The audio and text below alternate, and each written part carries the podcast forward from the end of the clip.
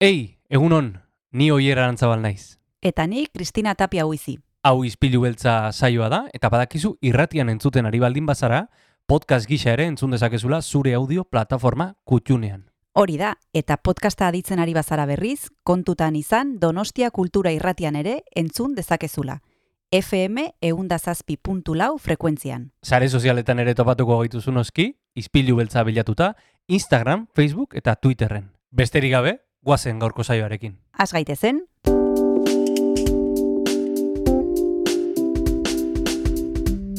Ispilu beltza. Donostiako kulturaren berri, Oyer Arantzabal eta Kristina Tapia buizirekin. Autoak badoaz, lanera, goiza da, donostian, eta ku, hemen gaude, oiko legez, azelenero legez, kulturaren inguruan hitz egiteko prest, izpilu beltzean. Azteleneko hau jarri zait, Kristina, hola pixka serioa. Eh, bai, eta baina- poetikoa. eta poetikoa, baina, bueno, e, astelena da, eta eta altxako dugu astea, eh? Seguro baietz, eta gainera gaurko gonbidatuekin, are gehiago, barekizue astelenetan e, guk ere poeta bat daukagula, e, Mikel Iturria, etortzen Poeta zaigu. ikaragarria. ah, Bai, bai. Bai, ekartzen dugu agendari buruz hitz egiteko, badekizu hemen ispilu beltzan gauza batzuk aipatzen ditugula, ez dugu tarterik denak aipatzeko, eta berak izugarrizko mapa zabaltzen digu, jakiteko ze gauza dauden eta ze gauza interesgarri dauden. Eta gaur izango dugu, naiz eta ostiralean iragarri genuen Silvia Perez Cruz, azkenean ezin izan dugu berarekin hitz egiten, Ego Ameriketan egon delako eta ezin izan duelako garaiz iritsi gurekin hitz egiteko, baina bueno, bere ordez nik uste dut e, pertsona oso interesgarria izango dugula gaur ispilu beltzan Blanca Urgel, EHUko filologa eta euskaltzaina eta egunotan seguruenik komunikabietan ikusi duzuen emakumea irulegiko eskuaren arira hitz egin duelako eta gaur ere hemen izango dugu ispilu beltzan ba, gehiago jakiteko gai zoragarri honen inguruan. Plazer bat izango da baita Mikel ere, Mikel Iturria agenda errepasatzen, eta DJ bezala, ze musika ere jartzen digu, baina musika jartzen du Jon Gartziaren baimenarekin. Mm, Hori da. no, agian berarekin hasi beharko gara. Bere baimenarekin hasiko dugu gaurko ispilu beltza.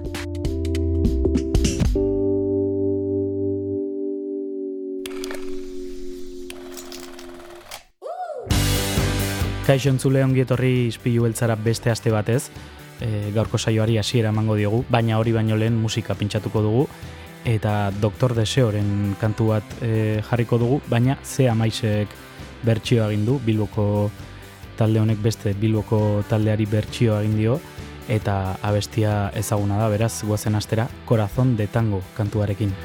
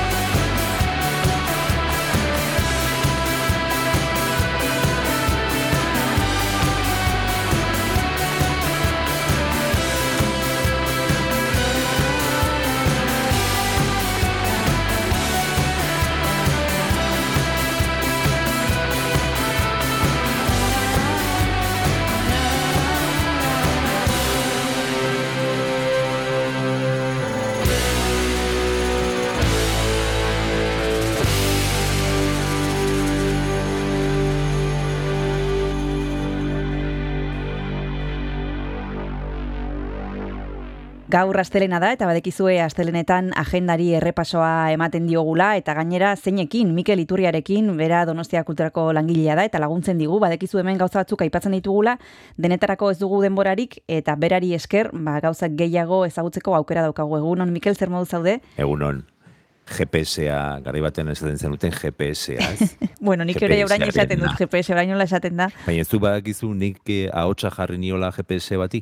Hori ez dakit, egitan? Bai, benetan, benetan. Baina ezin da erabili, baina Euskarazko GPS baten ahotsa bueno, bueno, nirea, Mikel, nirea izan zan. Ze sorpresa. Bai. Agian beste aldera kontatu- pasa beharko zinatek eta zu hemen eta ni hor zu zauden lekuan noiz behinka sartzen hemen astelenetan eta zu eta zu elkarrezketak egiten e, Iñaki Gabirondo bezala. Bai, hori da. Zuten moduz, eh, GPS, GPS ez eh, daukazuen zea berriarekin. Bai, izen ez zaite aterako orain audio berria, podcast berria. Ah, podcast berria, res ikusi ezina? Bai, Oso ondo, oso ondo, ba, lehen atala martxan dagoia eta berze zer moduz, eh, orain zuen txanda da, entzulen txanda eta berze irurezen zaizuen. bai. Luzerako izango da edo... Sei atal izango dira, e, ez da oso luzea izango, sei atal ordu erdikoak gutxi gora bera, eta, Mhm. bueno, hemendik aurrera, ostegunero. Oso ondo. Ba, esan non. Esan non, ba, plataforma EITB guztietan, podcast Mikel, EITB plataforma podcast noski, guztietan. eta gero plataforma guztietan, bakoitzak erabiltzen duen plataforman, ortopatuko du arrez ikusezina. Oso ondo.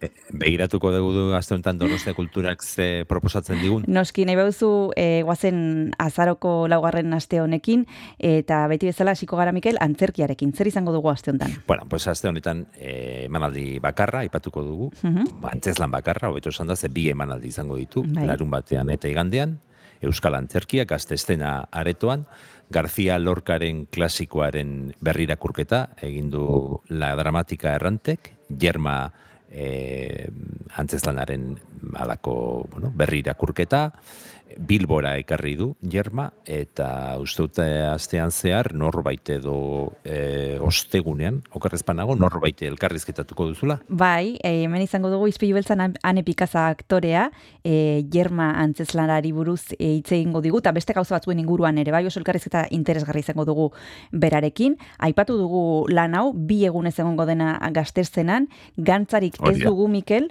e, beraz goazen musikaren tartearekin. Bai, musikan hiru kontzertu ditugu, baino lehenengoa, eh, Silvia Pérez Cruzek eskeneko ditu hiru emanaldi berak Wow. bakarrik. Aste azkenetik ostiralera, Victoria Eugenian, zazpi terdietan, e, bueno, ba, ohikoa da, ez, ja bere presentzia gure zenatokietan, eta, bueno, pues hainbat arte erotako esperientzia edo baliatu du fasa, gen posible diskoa editatzeko, eta formatu eszenikoari daukionez, ba, disiplina artekoa edo izango omen da, hainbat alor eh, tartian, eta ez dakit azkenean elkarrizketatzerik izan dezuen, Silvia Asmoa ba genuen eta saiatu gara, baina ezin izan dugu ze antza Ego Amerikan egonda e, justu urain arte eta ez dio denborarik eman. Saiatu saiatu gara, baina bueno, azkenean ezin izan dugu lortu berarekin hitz egitea, baina bueno, onena da bera ikustea eta aipatu duzun bezala hiru egunez egongo da Victoria Eugenia entzukian, ez dakit sarreraren bat egongo den jada,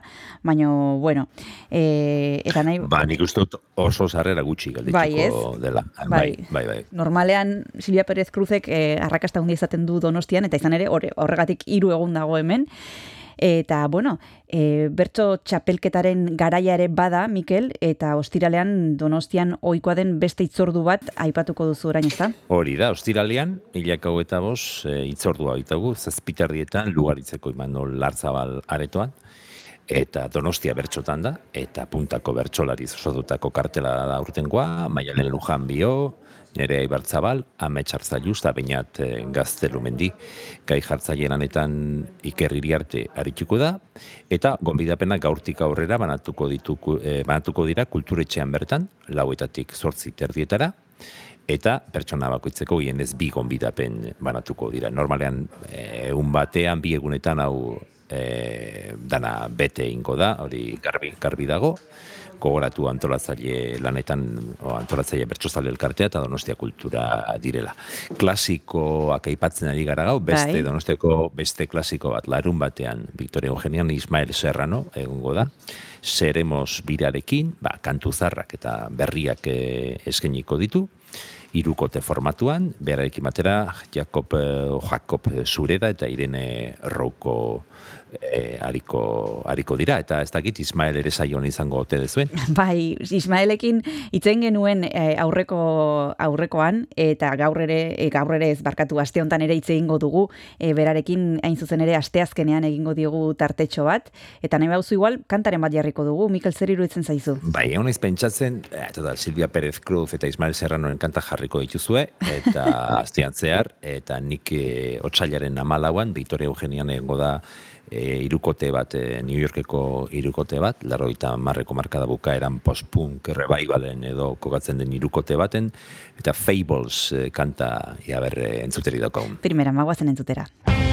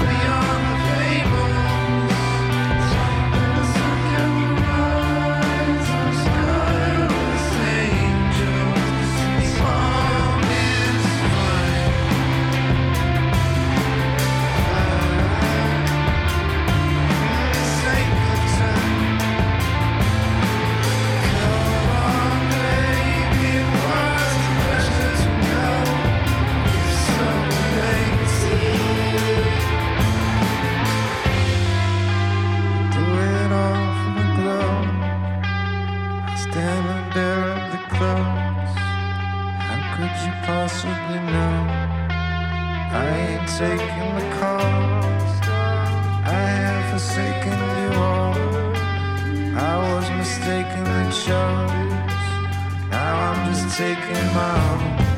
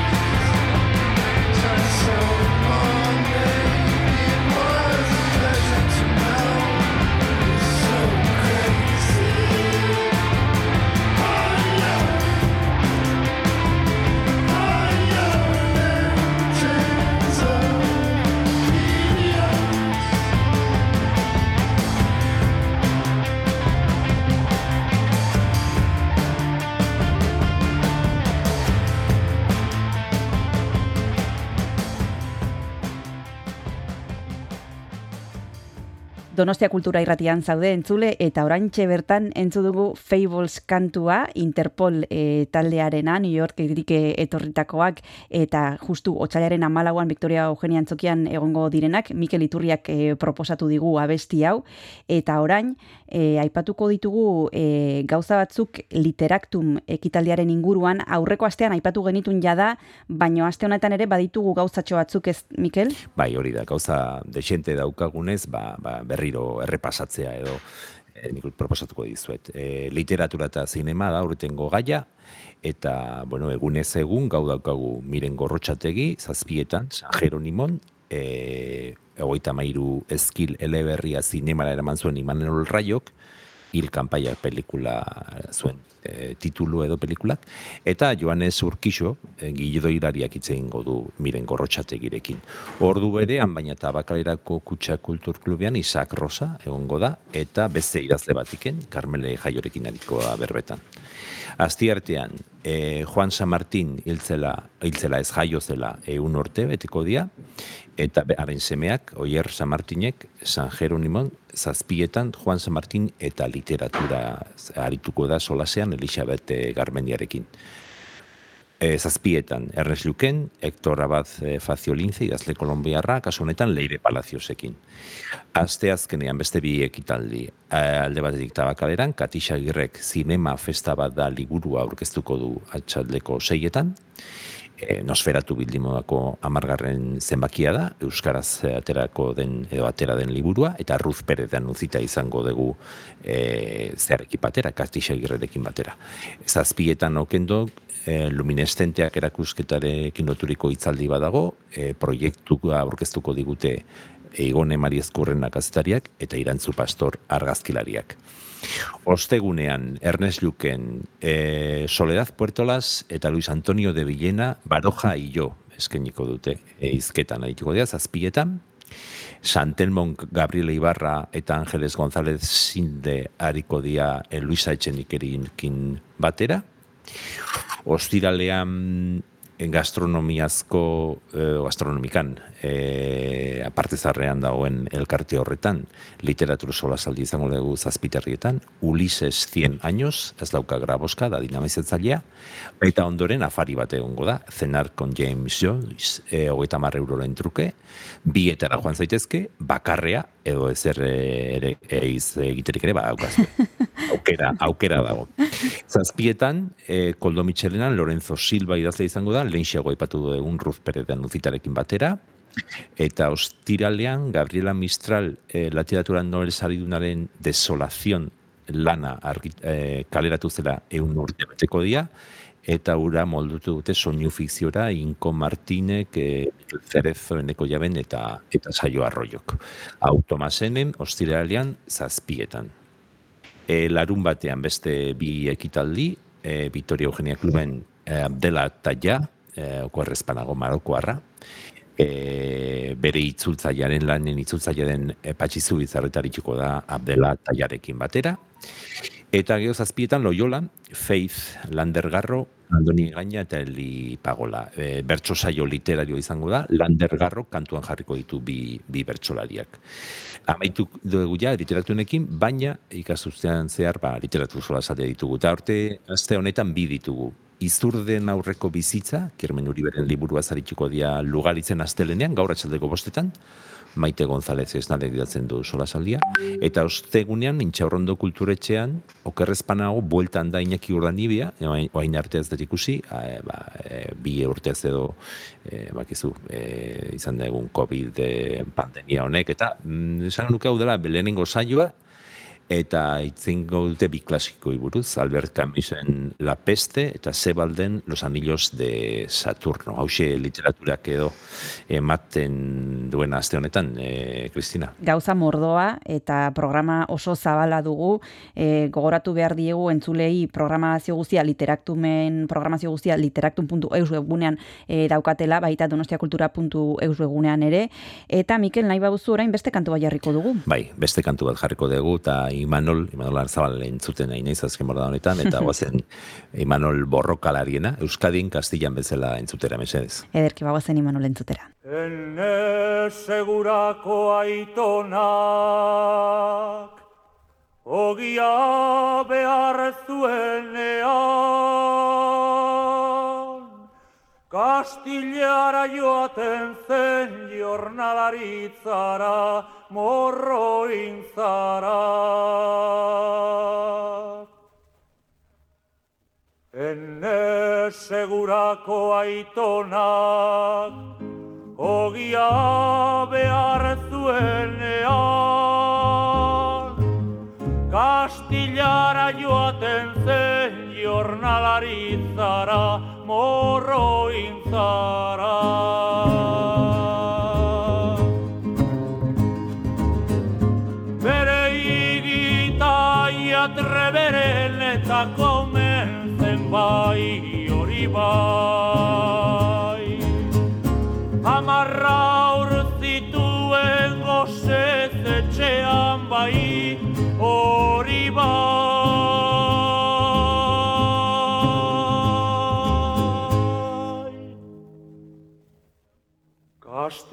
Kastillako jornalariek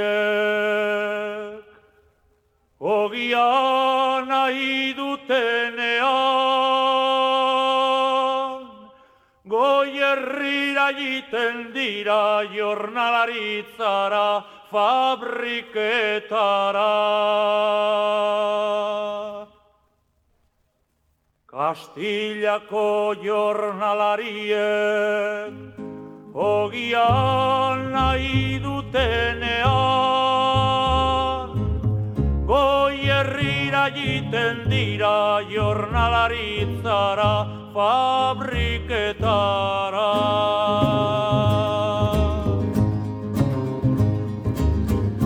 Kanpokoak bizkorrako mendira peonzan bai hori bai.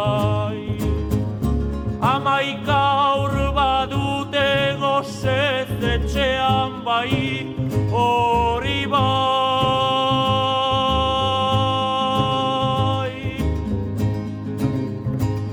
Kastillako soroen eta goierriko tximinien Ene haitonak eta kastillanoak jabe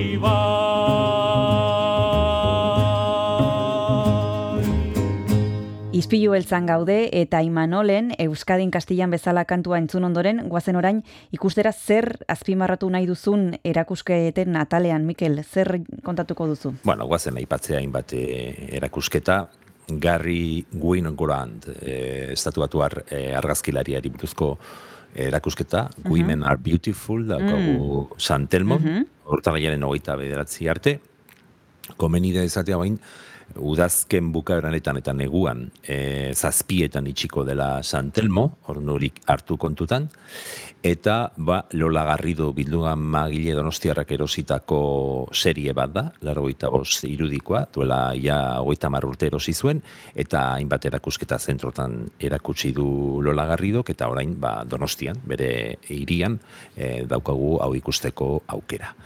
Lehenxago aipatu dut, e, literatunen errazluken egongo direla Soledad Puertolas eta Luis Antonio de Villena. Ba, hori dago kokatua bihar hilako gita bi erakusketa bat zabalduko da bertan, urtarrila maiera arte ikusgai egongo dana da, Pio Baroja literatur postala, bakizue, aurten Pio Baroja e, jaio zela eunda berrogeita mar urte betek dira, hain zuzen ere abenduren hogeita sortzian, eta baroja hilo bildumako hogeita zei liburuetako azalak edo barneko postalak ilustratzeko e, ilustratu dituzte eta argazki horiek erakusgai. Dirudinez dira, hainbat e, e, idazlek e, barojarekin duten harreman, literatura harremana eta bizi harremana edo aurri buruzko kontakizunak edo, eta, bueno, pues erakusketa. Gero beste gauza potolo bat, beste erakusketa potolo bat, ostiralean okendu kulturetxean e, e, zabalduko dena, ikusgai egongo da otxailaren emezortzi arte, lotura ere badauka literatunekin, Ricardo Ugarte, Julia Ochoa eta Urko Ugarte, familia honen e, bueno, pues lanak ikusgai, artearekiko daukaten bere behaien ikuspegia, artearen, bueno, hainbat e, ikus, e, ikuspuntutik begiratuta. Ostiralean izango da inaugurazioa, eta e, urko ugartek semeak zuzeneko musika emanaldia eskeniko du, eta larun batean, goizeko amaiketan, Julia Otxoak gaztelaniazko bisita bat e, gidatuko du. Adibili, abenduan jarduera gehiago egongo da, eta komentatuko, aipatuko dituko segurazki hemen, eta honekin, bapo, erakusketen atala. Osondo, ikusten ari naiz, e, Mikel Felix Zubiaren izena e, gidoian daukazula nabarmenduta.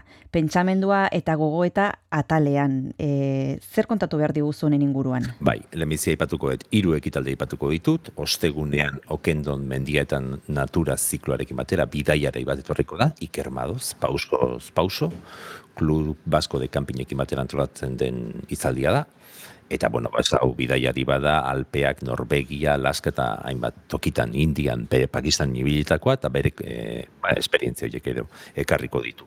Eta aipatu, dez, e, aipatu dezu, Feliz Zubia, ze, bueno, mendikan pasa zan, Bai. e, Feliz e, Zubia pandemiaren Bai, bai. gogorrenean bitan, gutxienez, okerrezpan hau, bai. Eta orain jarraitzen du, ba, gizu bere lana e, ospitalean, eta gero ba, en Euskal Irratian ere igandero ateatzen da, kolaboratzaile. Bueno, ba, bertati bertara ikusteko aukera, e, izango dugu, ostegunean, Amara Berriko ikasbide kultura elkartean egongo bai da, e, Feliz Zubiaren, ez du, e, Feliz Zubia gai librean. Feliz Zubiarekin Euskaraz jolasean, ez? Bueno, Auskalo arituko den. baina interesgarria, Hori da. seguru. Seguro, ikausbide kultura elkarteak antolatu du hitzaldia.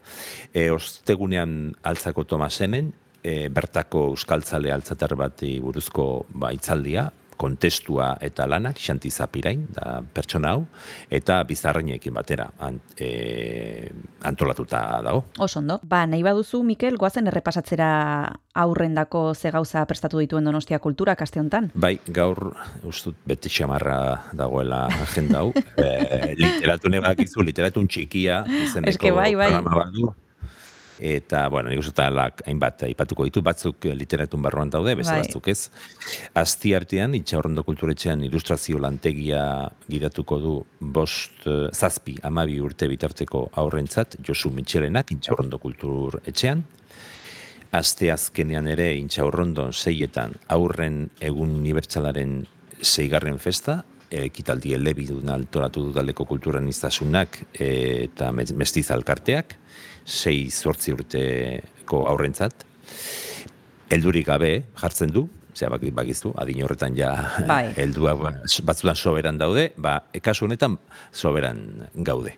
E, e, gero, larun batean, galtzagorrirekin batera aur liburutegi negusian goizeko maiketan irakurketa kluba, sei zortzi urteko aurrentzak, Mari Garziak gidaturik, Eguerdiko ama biterritan San Jeronimon Txano eta Oskarren abenturak ilustrazio lehiaketa ba, bertan sari banaketa, hau azaruan zer egondako lehiaketa bat izan da, eta Julio Santos eta Patricia Pérez, Txano eta Oskarren abenturen sortzaileak eta ezagutzeko parada izango, izango dugu. E, larun batean, e, Euskal Herriko paiazurik ezagunenak bi emanaldi intxaurrondo kulturetxean. Lauetan eta sortzi, eta zeiterdietan markatu. Pirritx, Porrotx eta Mari Mototx. Wow. Urteak bete abenturak bizi, hau izango da datorren denboraldiko, denboraldi honetako espektakulo berria. A ber, komeni da esatea gauza bat oso importantea, ze jendea asko eh, asko aserratzen da kontuenekin. Hau, plazaragoaz elkartearekin batera antolatutako ekitaldi bada.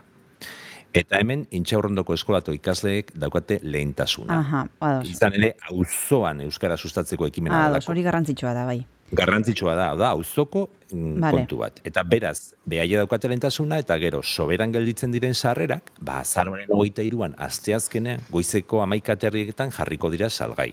Non, donostiakultura.eu sarrerak webgunean, Victoria Eugenian eta Antzokizarreko lehiatiletan. Claro, jendea, ba, bakite... Bai, hauek entzuten dugu perritxa, perritxa Bai. porrotxe eta, eta ja goaz Eta zezena, zezena dute, bezala. Ez, eske bost minututan eh, agortu india. Arrazoia hau da. Mm, ba, ez dakizen basarrera aterako dian, baina soberakinak izango dira. Baina igual dira egun sarrera, eh? Baina ala eta guztiz ere, plas, bost minututan fuera. Bueno, larun batean, e, baldin badezue ikusi perritxet porrotx eta marimotots, ba, bostetan, Erneslu Kulturetxean, literatun txikiaren baitan, Green Anaien Parkea, erreproduzioak antolatutako, bueno, erreproduzioak e, taularatuko duen bos urtetik goroko aurrentzako antzezlana, eta lugaritzen seietan la gata japonesak los viajes de Boua e, taularatuko du. Eta agendaren repasoa amaitzeko, Euskaraldiarekin loturiko emanaldia, altzako larratxo kulturetxean, seietan, potx eta lotx kaleak bizirik. Eta, bueno, ba, oparo etorri da gaurko agenda. Oso, oso beteta, nik ezakite, bueno, entzuleak aukeratu beharko du, ze dena ezin da egin. Gogoratu dezagun e, beste behin, lehen aipatu ditugu e, elbideak, baina gertutik e, jarraitu beharko zenituzkete sare sozialak batetik, e, Donostia abildua Donostia Kultura kontua Twitterren, eta webgunea donostiakultura.eus, eta literaktumekoa ere aipatuko dugu, literaktum.eus, ze hor literaktum txikia, eta gero helduentzako e, gauzatzuk aipatu ditugu, e, ekital, e, ekitalaua oso mardula da, beraz, e, adi egon, eta horre zer aldaketa delata, e, oien, Bai, kanal hoien bidez, e, e, izango duzue e, hoien berri. Eta, Bai, guk eh, donostiakultura.eusen ere hauek eh, at, nabarmenduen atalean Hori daude, da. baina bai, komeni da literatun.eus ere eh, horren inguruan ere ba, bertatik pasatzea. Hori da. Eta, bueno, Mikel, e, gaurko saioa oso beteta etorri da, baina agur esateko e, momentua iritsi da, eta beste kanta bat eskatu behar dizu, zer entzungo dugu orain? Bai, ez balin badu eh, Jonek, Jon daga zuen, Bai. zuen eh, lankidea. Bai. Jon, ez dakit aurreratu indan edo ez, baina zure herrira joan naiz. Ze ongi, Joseba Irazoki. Joseba Izokeren azken kanta, bertxigo bat, Susan Begaren Luka kantuaren bertxigoa, eta luze xamarra da, zi minutuko kanta ustu dela, baina berre entzuteri daukagun. Bueno, bagoazen jartzera Joseba Irazokiren e, Lukaren bertsioa. Mikel, urrengo astera arte aio, eskerrik asko. Aio,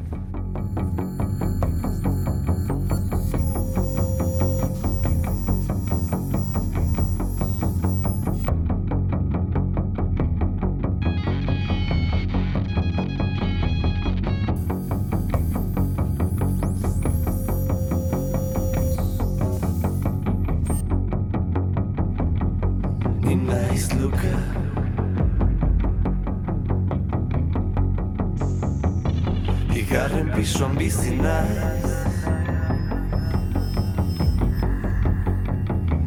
Zugandik urbil bizi naiz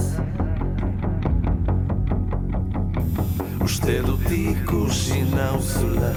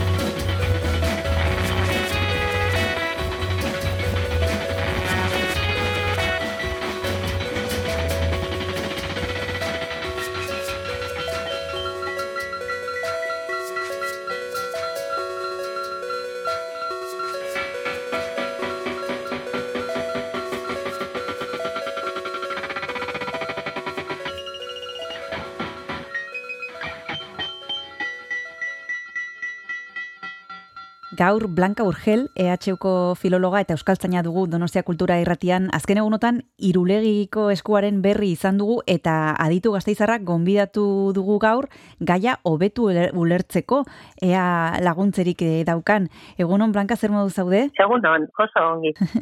Bueno, esan bezala, azken e, egunotan e, albiste potoloa e, e, ba, izan dugu eskuartean, eta pixka bat, e, kokatzearen igualazteko, Blanca, e, jakineko genuke, e, zer dakigu, o zer genekin e, baskoien inguruan orain arte, nolakoak ziren? Beno, oso berri gutxi ditugu, Mhm. begia esan da, berri hoiek guztiak e, garai hartako e, idazle greko erromatarrek emandako e, berriak dira. E, mm, orduan, dakiguna da itxuraz, e, nahiko goizetik erromatarrekin e, bueno, hitzarmenetara heldu zirela eta beste herri batzuk ez bezala, ba haiekin nola baiteko hitzarmenak eginda, ba bakeantzean bizi zirela eta batzuetan ba erromatar ejertzituaren parte ere hartuak izan zirela, horrelako gauzatxoak, Mhm. ezta? Eta, bueno, mm, orduko geografoen bitartez gutxi gora bera, beraien mugak,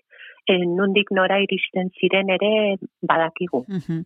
Eta garai hartako euskara edo bueno, hizkuntza, eh 2000 urteko duela 2000 urteko hizkuntza zein zen leku hoietan?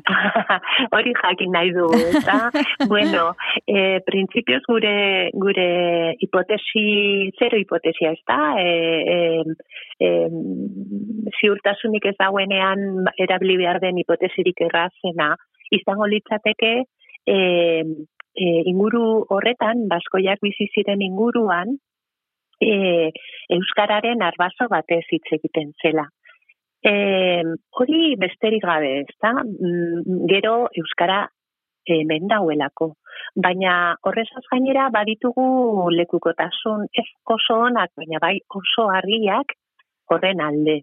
E, lekukotasun gehienak Pirineoen bestaldean daude, Akitania deitzen zen e, lurralde zabal hartan, Garona ibaiak Pirineoak eta itsasoak marrasten duten triangelu horretan. Ana hartzen zaizkigu Erroma garaiko eh harrietan naiz latinez idatzita egon eh Akitaniarren izenak eta izen hoietako batzuek e, oso ezaguarri bereziak dituzte. Hain nun labur esan da, e, pentsatzen dugun, islatzen dutela akitaniera deitzen dugun hizkuntza hura, eta akitaniera hura e, gure euskararen arbaso mota bat zela seguru. E, ja zerbait errazago esaten dudan. Ez dakigu, baina, ez, ez genekien baina, ez dakigu, ia akitaniera hori izan gure euskararen amona, edo gure euskararen eh, amonaren aizpa nola baita esan da. Bale? Eta gero, gero eta gehiago, lehenengoz mila beratziren da iruro gehian, e, Nafarroan, lergan agertu zen lehenengo idazkun, lehenengo inskripzio akitanierazkoa. Akitanian arkitutakoen oso antzekoa, bere ez, ez zaugarri linguistikoen gatik. Eta e, inskripzio horretan ere ikusten ziren euskararen antzeko gauzak. Lehenengo izena da umezar eta ba igual Donostian edo Gipuzkoan ez da in, e, ezaguna baina Bizkaitarren zat adibidez umea gaur egun e, aurra esateko modu normala da. Eta beraz umezar esan naia ez dugu oso argi, ez da? Ba zegoen orduan gizon bat ziurrenera e, ziurren eragabe ze filio agertzen da semea, ez da? Gizon bat e, umesar deitzen zena, bale? Atxe eta guzti, eh? Mm batuaz bezala. eta eta orduan, ba horrela ziren, ez da, ba, egualdean ere, akitanieraren lekukotasunak daude. Baina gero eta gehiago agertu dira, gutxi ala ere, eta e, berezitasun batzuk dituzte. Horregatik hasi ginen, e, korrotxategiren lanei jarraikiz, e, baskoierari buruz hitz egite, baina oso gutxi dakigu, oso gutxi denekien orain. Mm Eta ze pentsatzen zen e, Blanka beraien komunikatzeko moduaren inguruan, ze entzun izan dugu egunotan e, ez zutela idazten, e, bakarrikan e, ba, modu oralean e, komunikatzen zirela, e, hori orain arte pentsatu da, baino ez dakite ziur ziur hori horrela izango zen edo badaki zuen? Bueno, e, hori izan e, lehen zero hipotesia zitzegin dut, ba, orain honetan ere zero hipotesi bat geneukan, ez da? Nola, ez den, batere idazkirik aurkitzen, e, etzen batere idazkirik aurkitzen aldatu dezagun e, eh iraganera. Bai. Eh etzen idazkirik aurkitzen erromatarrak ona etorri arte pentsatzen genuen agian e, hoiek pertsona hoiek ez zutela idazten ikasi erromatarrek erakutsi zieten arte. Vale? Hori normala da Europako iparraldean. Eh bueno, eh salbuespen batzuekin idazkeraren eh idazkeraren mugimendu gehienak e, mediterraneoaren ertzetan eman dira. Feniziarrak e, omen dira lehenengoa, baina badakigu greziarrak, etruskoak, e, iberiarrak, horrelako kultura askok, batetik bestera e, idazkera aldatuz eta egokituz, beren idazkerak garatu zituzten mediterraneoaren hartzetan. Kutsatu bezala egin ziren, Hmm, ez da? mhm. Idazten ikaste, ikasi zuten horrela. Mhm. Eta, bueno, ba, mu, mugimendu hori etzan errazki heldu asko ere iparralderago eta pentsatzen genuen, bueno, gu urrutitxo gaude e, Kataluniaren itxasertzetik, ez da, han bai, baina hemen bagian e, kostata baino etzan heldu horrelako mugimendu Hmm. kulturalik, eh? Hmm. eta ez zitzaigun Mm, mm, mm. Bueno, orain eh, deskubrimentu bat egonda eta gian hori guztia eh, aldatuko da, baina oraintxe bertan jarraituko dugu Blanca Orgelekin hitz egiten, tartetxo bat hartuko dugu eta segituan gara bueltan.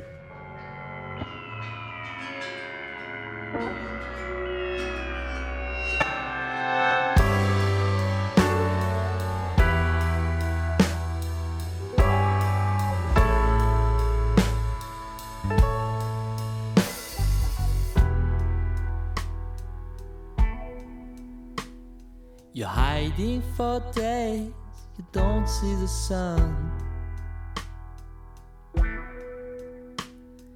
Being a shadow of all that is gone. It's shock and to own what is dying. A price on good that no one is buying.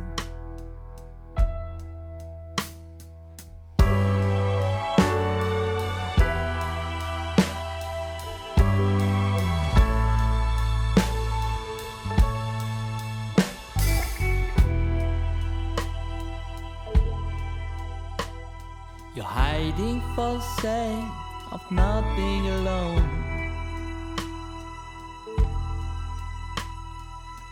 Maybe you're a fool, but you're not the only one. My question goes to the man of the future. He strives for the earth, the air,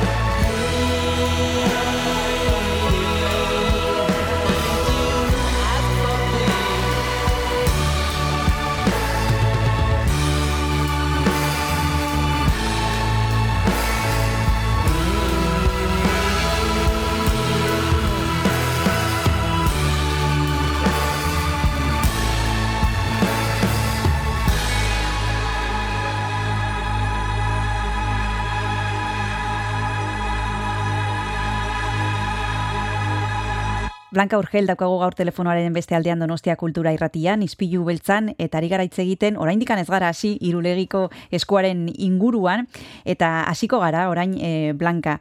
E, plan sekretu bat zegoen honen inguruan eta oso ondo e, burutu dena ze aspalditik batzuk batzekiten eta ezakitzuk ozu plan horren barruan bazinen edo ez e, eta hau dena ez zinen Gure- gurekin batera enteratu zara. Bai, bai, gorrotxategi gure taldetik, eh, Joaquin gorrotxategi Mhm. bakarrik zegoen eh, konfu, konfabulazio txiki horretan, eta benetan egonda isil-isilik eta suposatzen dut askotan mingaina hainkatzen egon Bai, zala bai. ez esateko, ze izugarrizko ilusioa dauka, eta izango zuen hasieratik norbaitekin komentatzeko gogoa, baina Bai. ezin zuen, eta Bueno, ez Denak oso txintxo, e, zuetzien plan Mhm. horren barruan, Blanka, baino ze pentsatu zenuen albistea jakin zenuenean? Ze pasatu zitzaizun burutik? Uf, eh, bueno, eh, ez dakit, ez que, ba, ba, zute bat, mos, moduko zerbait da, ez? Eh, espero ez duzun gauza bat denez, eta hain garrantzizkoa denez, ba hori lehen esan dugunez, uste genuen, jakintzaten baten genuen, da, bueno, ba, ez dutela idazten. Eta ez genuen inundik inora ere espero horrelakorik egotea. Eh, eh, eta bapatean, eh, erabat okergen dela, eta ze ondo, ez da, okergen den horretaz konturatzea, ba, zoramena izan Mm. zen, oso, oso, oso berezia. Oraindik ere, ez ditan nago, eh? Mm. Dakit nabaitzen den, baina Bai. bai, bai. Bai, e, nik hemen e, etxean e, komentatzen, e, pentsatzen nun jo, e, denontzat izan da e, izugarri albistea ez, baino adituentzat bereziki pentsatzen dut horrelako aurkikuntza bat e, izan behar dula zerbait oso oso berezia, e, ze posible da zure bizitza guzian horrelako gauzarik ez ezagutzea.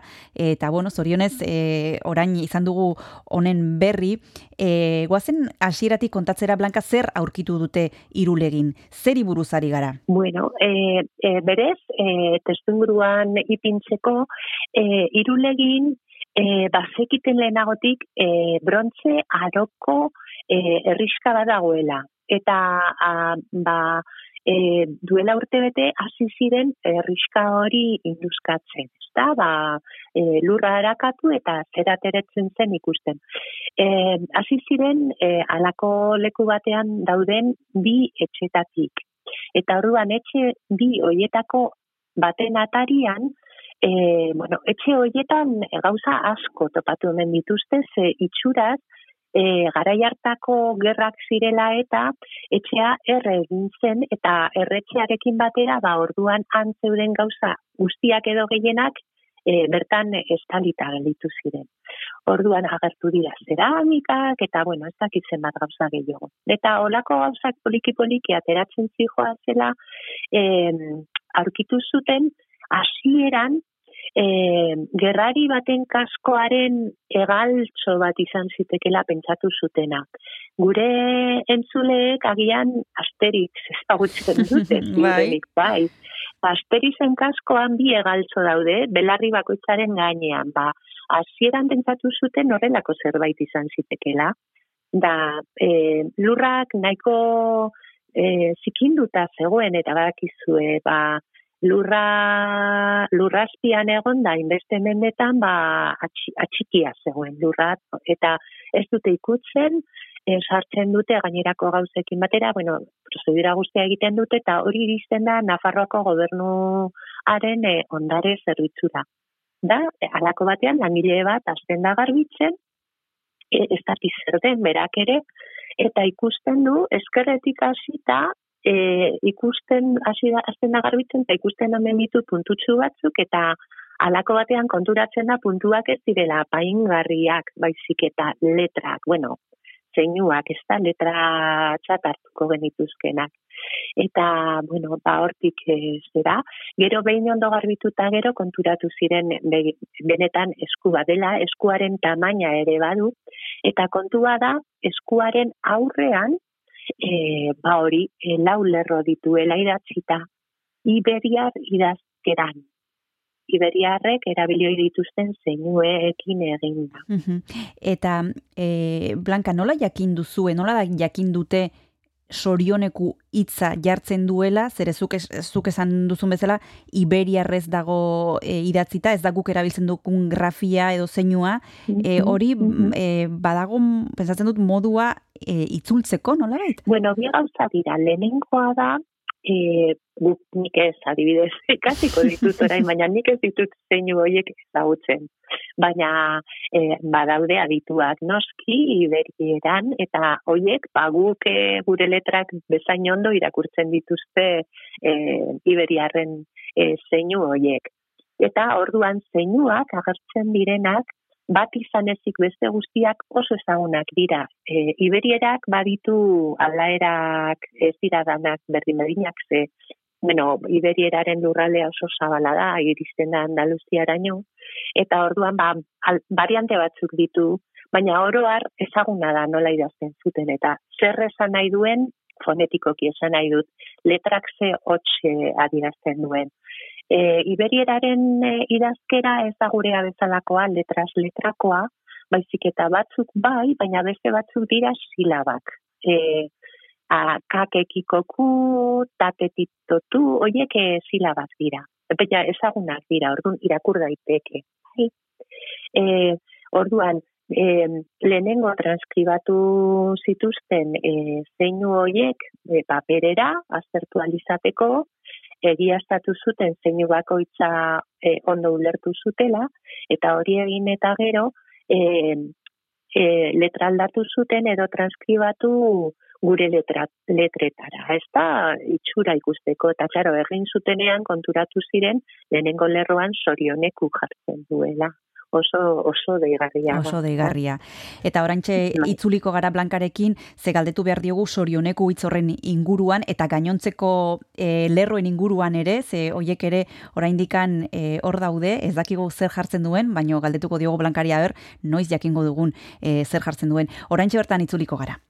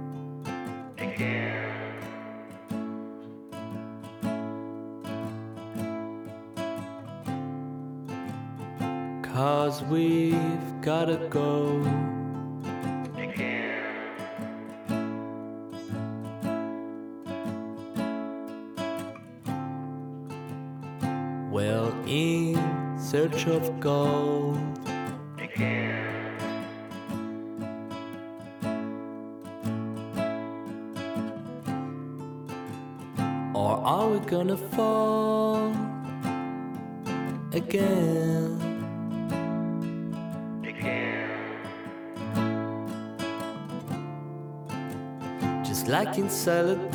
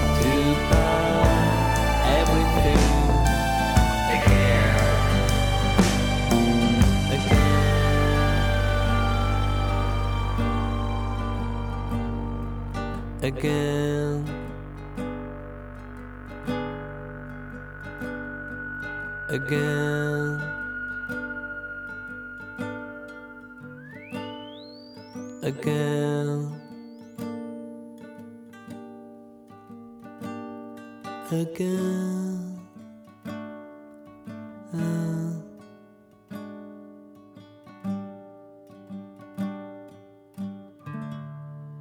Gaur izpilu beltzan gaude irulegiko eskuaren inguruan hitz egiten eta horretarako konbidatu dugu Blanca Urgel EHUko irakaslea Euskaltzaina eta aipatu dugu sorioneku e, jakin izan dugu jartzen dugula lehenbiziko lerro horretan. Ze suposatzen du hitz horrek e, Blanca e, e, zure filologia aldetik, historia aldetik oroar e, ze, ze suposatzen du aurkikuntza honek? Bueno, eh, uste dut importantea dela jakitea beti hipotesi ez hitz egiten ari Mhm. garela. Eh, eh, orduan, datu hoietatik hasiko naiz oraingoan. Mhm. Eh, datu bezala esan dezakegu, eh, sori, hor agertzen den lehenengo zatia, eh, akitaneran ere aurkitzen dugula. Beraz, nahiko egiantzekoa da, sori, hiru sori hoiek, gurea, akitaniarrena eta irulegikoa, agian hitz bera direla. On ere agertzen da baskoien izenetan. Beraz, bikain ez da, sorion. Eta e, testinguruak ere laguntzen digu interpretazio hori egiten, ze eskua, esan dugu, ez da, zulotxo bat du eskuak e, goikaldean, zintzilik egon zen seinale. Eta orduan ematen du, etxe atarian jartzen, zer, e, jartzen zen zerbait zela. Horrelako gauzak, gure oraingo eguzkiloreak bezala, edo etxeari babesa emateko, babes magiko bat, ezta? Edo, bueno, logikoa den bezala, bizitariari ongi etorria egiteko jartzen dira. Eta orduan, testimuru horretan, ba, sorioneku, edo sorion, edo horrelako zerbait egotea, ban oso egokia dirudi, ezta? Ematen du logikoa dela. Alde horretatik, oso pozik gabe, ematen du ulertzen dugula hasiera eta ondo ematen duela testimuru horretan. Arazo otxo bat daukagu eta da eku hori zergatik esan sorioneko Hmm. eta hori azaldu beharko genuke Mhm. eta oraindik ez dakigu azaltzen. Hau da, Mm. ez, ezin da esan, ba, u hobi urtuko zan, edo Mm. horrelako zerbait, Mm. ze ez dago arrazoirik, ez dago motiborik hori horrela izan dela pentsatzeko.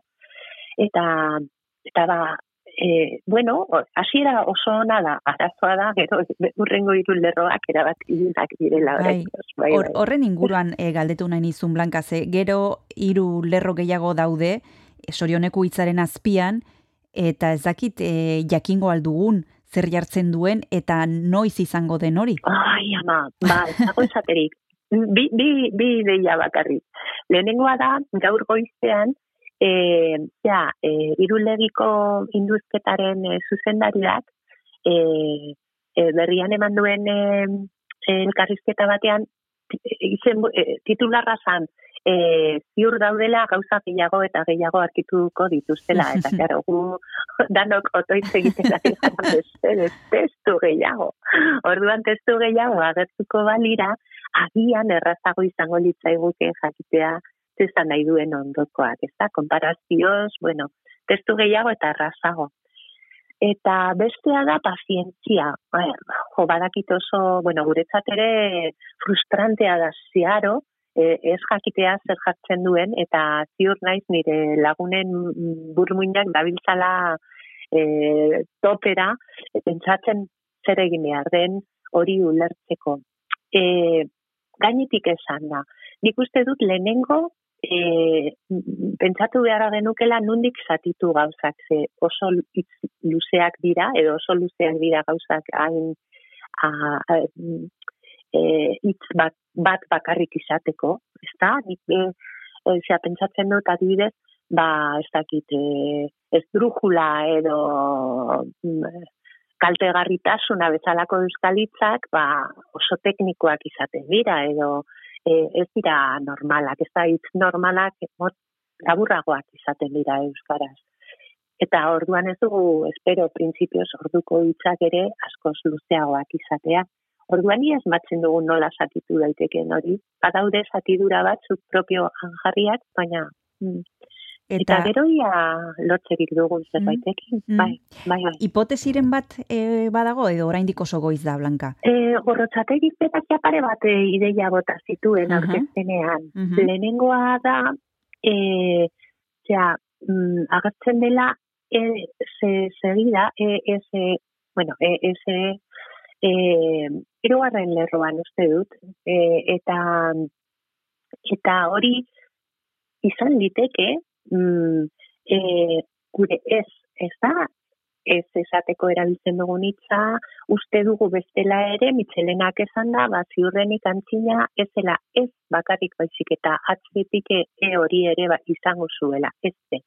Orduan, mm, bueno, hasiera bada, ez da, hori ezezko partikula baldin bada, ia urrengoa aditza den, edo, bueno, hasieratxo bat Mhm. bada.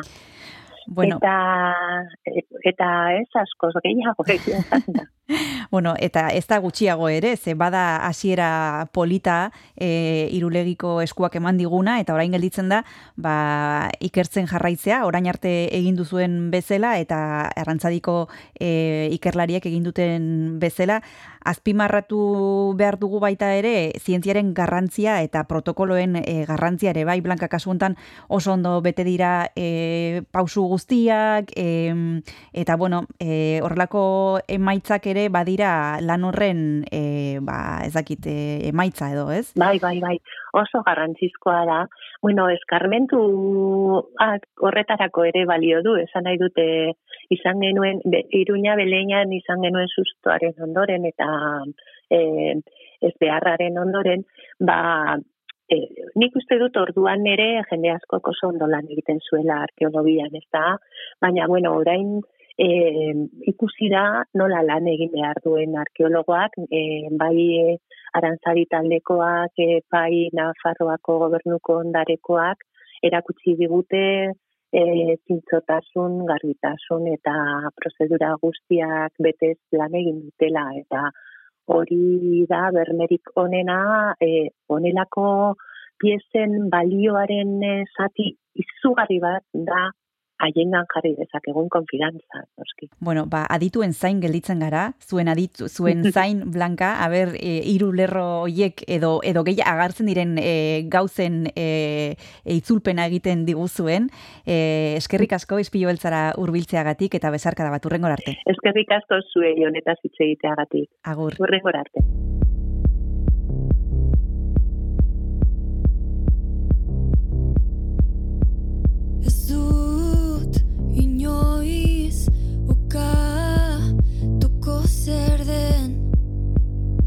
Onaino ekarri nauena Ez dut inoiz atzen Duko norzen Hain gerutzan induena Osta tuzar baten Sokoetan Denetatik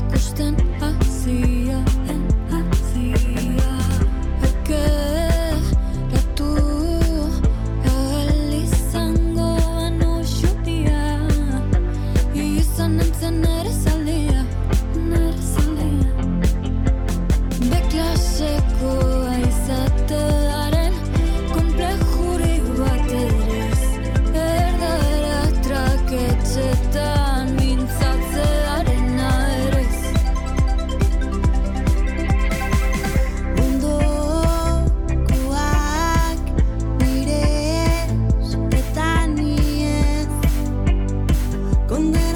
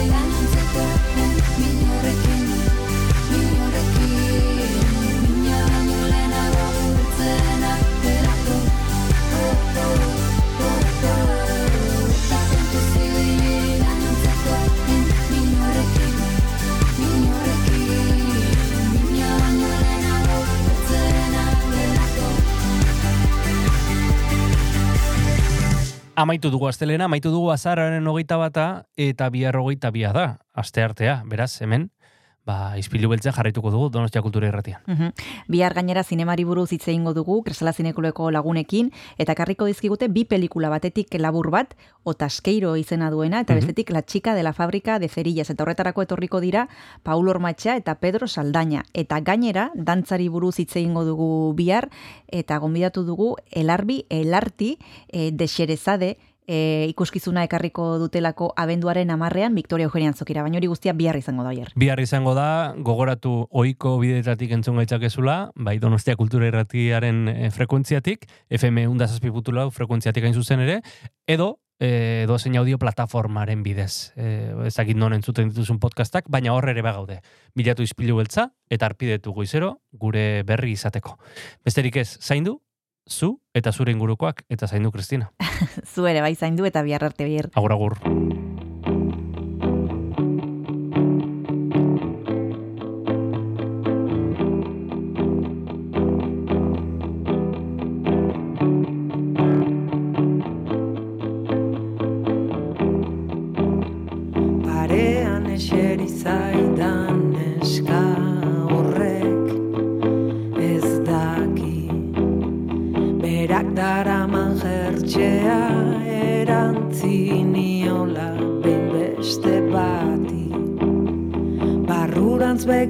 and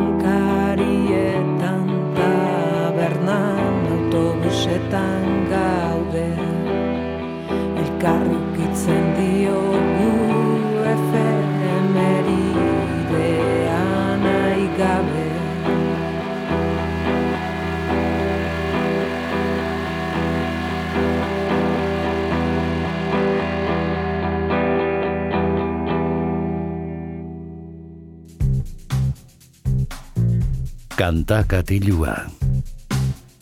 Jon Gartziaren eskutik. Egun honen zule, ongietorri kantakatilura iritsi gara ispilu beltzaren amaiera musikal honetara, eta beste aste batez ba, musika pintxatuko dizuegu, diskoak e, pintxatuko dizkizuegu, e, amaierara entzun ditzazuen, eta gaurkoan zestoara joango gara berriro ere, rodeo taldearen, e, stoner taldearen azken lana ezagutzera, Ibris izeneko disko luzea da.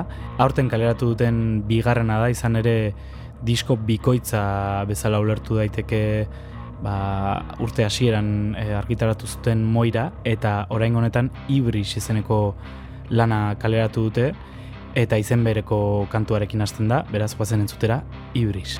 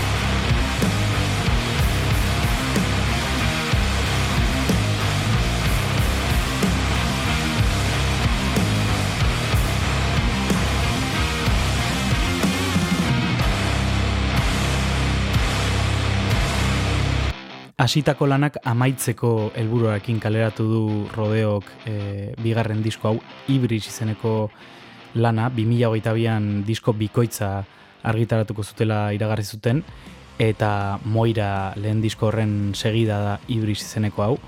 E, bertan Prometeoren eta Moiraren metafora lantzen dute. E, kasu honetan Prometeoren bidaiaren bidez e, orden sozialaren transgresioa ba, e, ikustarazten dute e, letretan, eta tira, e, bederatzi kantuz osatzen da bigarren lan hau, bomberenea ekintzak argitaratua. Lehenengoa bomberenean bertan grabatu zuten txap teknikariarekin, baina oraingo honetan e, zestoan bertan grabatu dute oikoz egiten duten moduan, einaut gaztainaga teknikariarekin, gaztain estudioetan nahi zuzen ere, eta tira, orain txentzun dugu keres izeneko kantua, eta entzutera goazena e, aurrerapenetako bat izan zena da, hause da, ez da hil.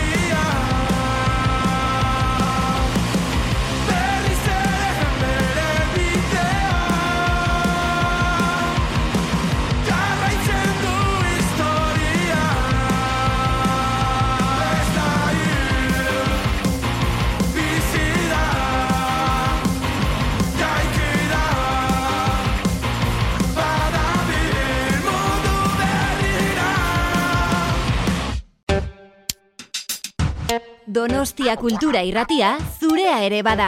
Zatoz eta parte hartu.